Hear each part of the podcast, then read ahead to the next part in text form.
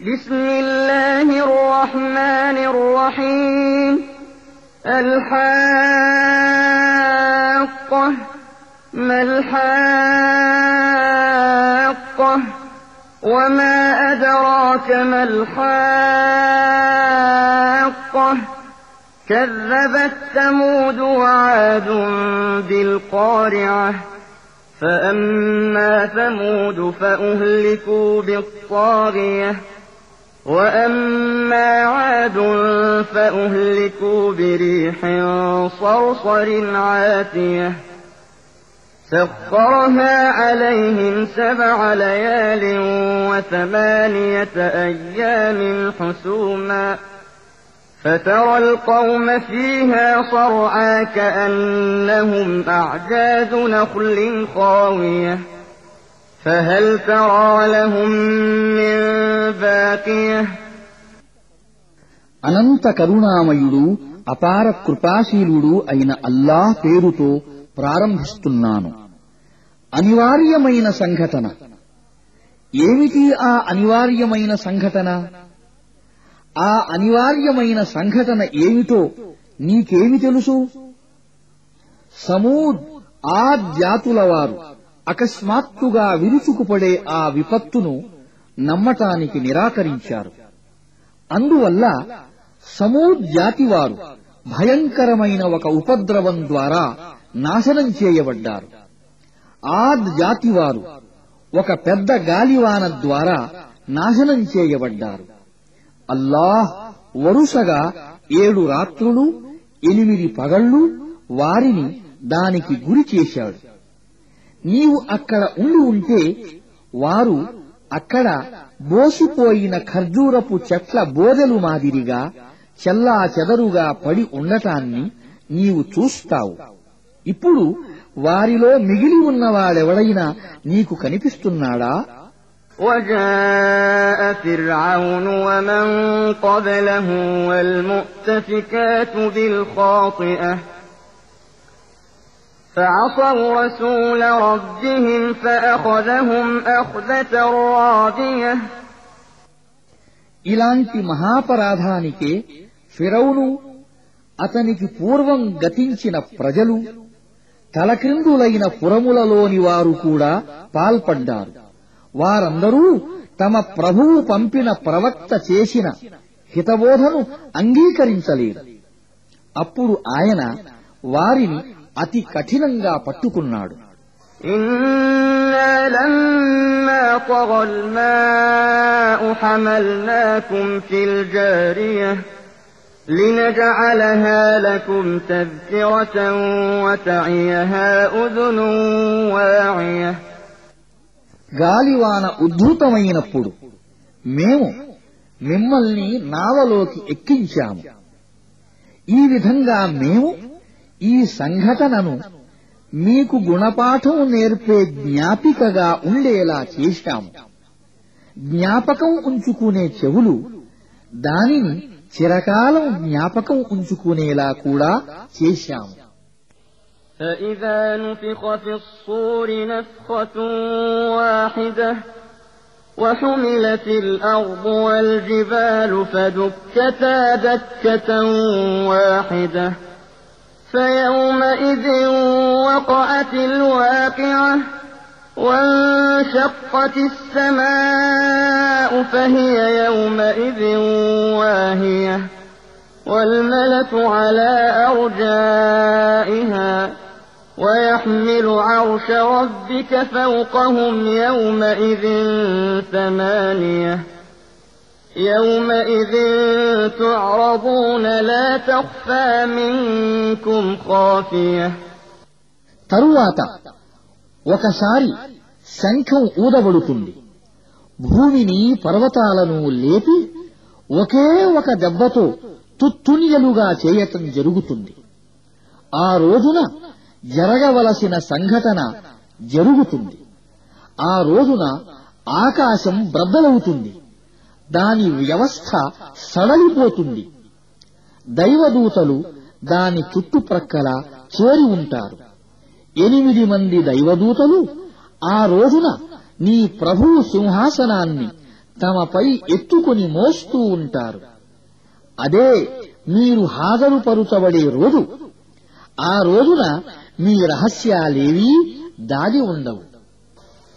فأما من أوتي كتابه بيمينه فيقول هاؤم اقرءوا كتابيه إني ظننت أني ملاق حسابيه فهو في عيشة راضية في جنة عالية قطوفها دانية كلوا واشربوا هنيئا بما أسلفتم في الأيام الخالية అప్పుడు తన కర్మల పత్రం తన కుడి చేతికి ఇవ్వబడిన వ్యక్తి చూడండి నా కర్మల పత్రాన్ని తీసుకుని చదవండి నా లెక్క నాకు తప్పకుండా లభిస్తుందని నేను అనుకుంటూ ఉండేవాణ్ణి అని అంటాడు కనుక అతను తనకిష్టమైన భోగభాగ్యాలలో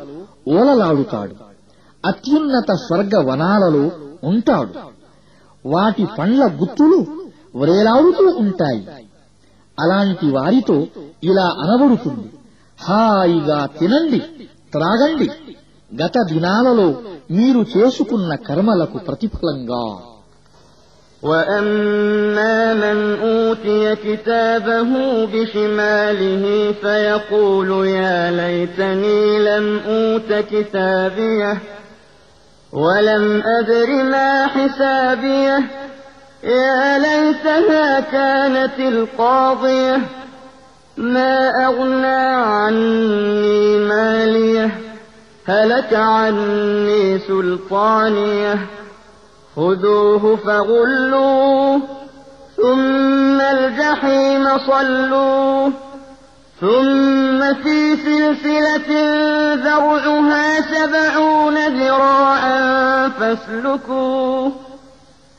إنه كان لا يؤمن بالله العظيم ولا يحض على طعام المسكين.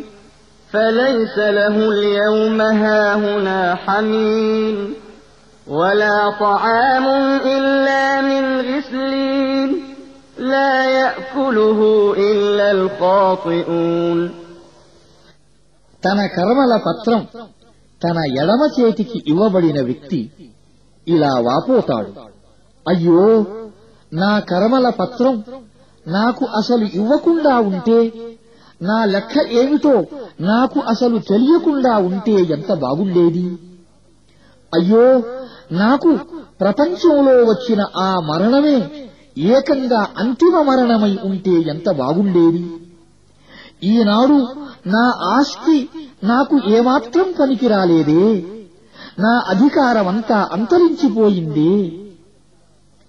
అప్పుడు ఇలా ఆజ్ఞాపించబడుతుంది. అతనిని పట్టుకోండి. అతని మెడకు కంఠపాశం తగిలించండి.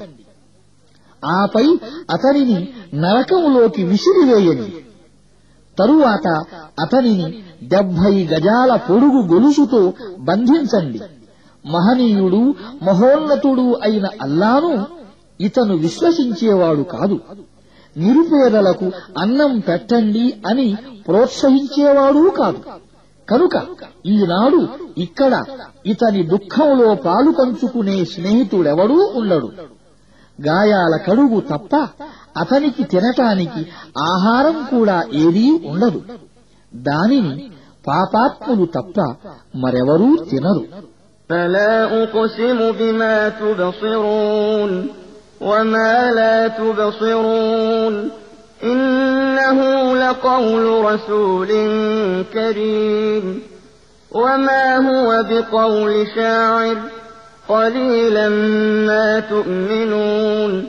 ولا بقول كاهن قليلا ما تذكرون.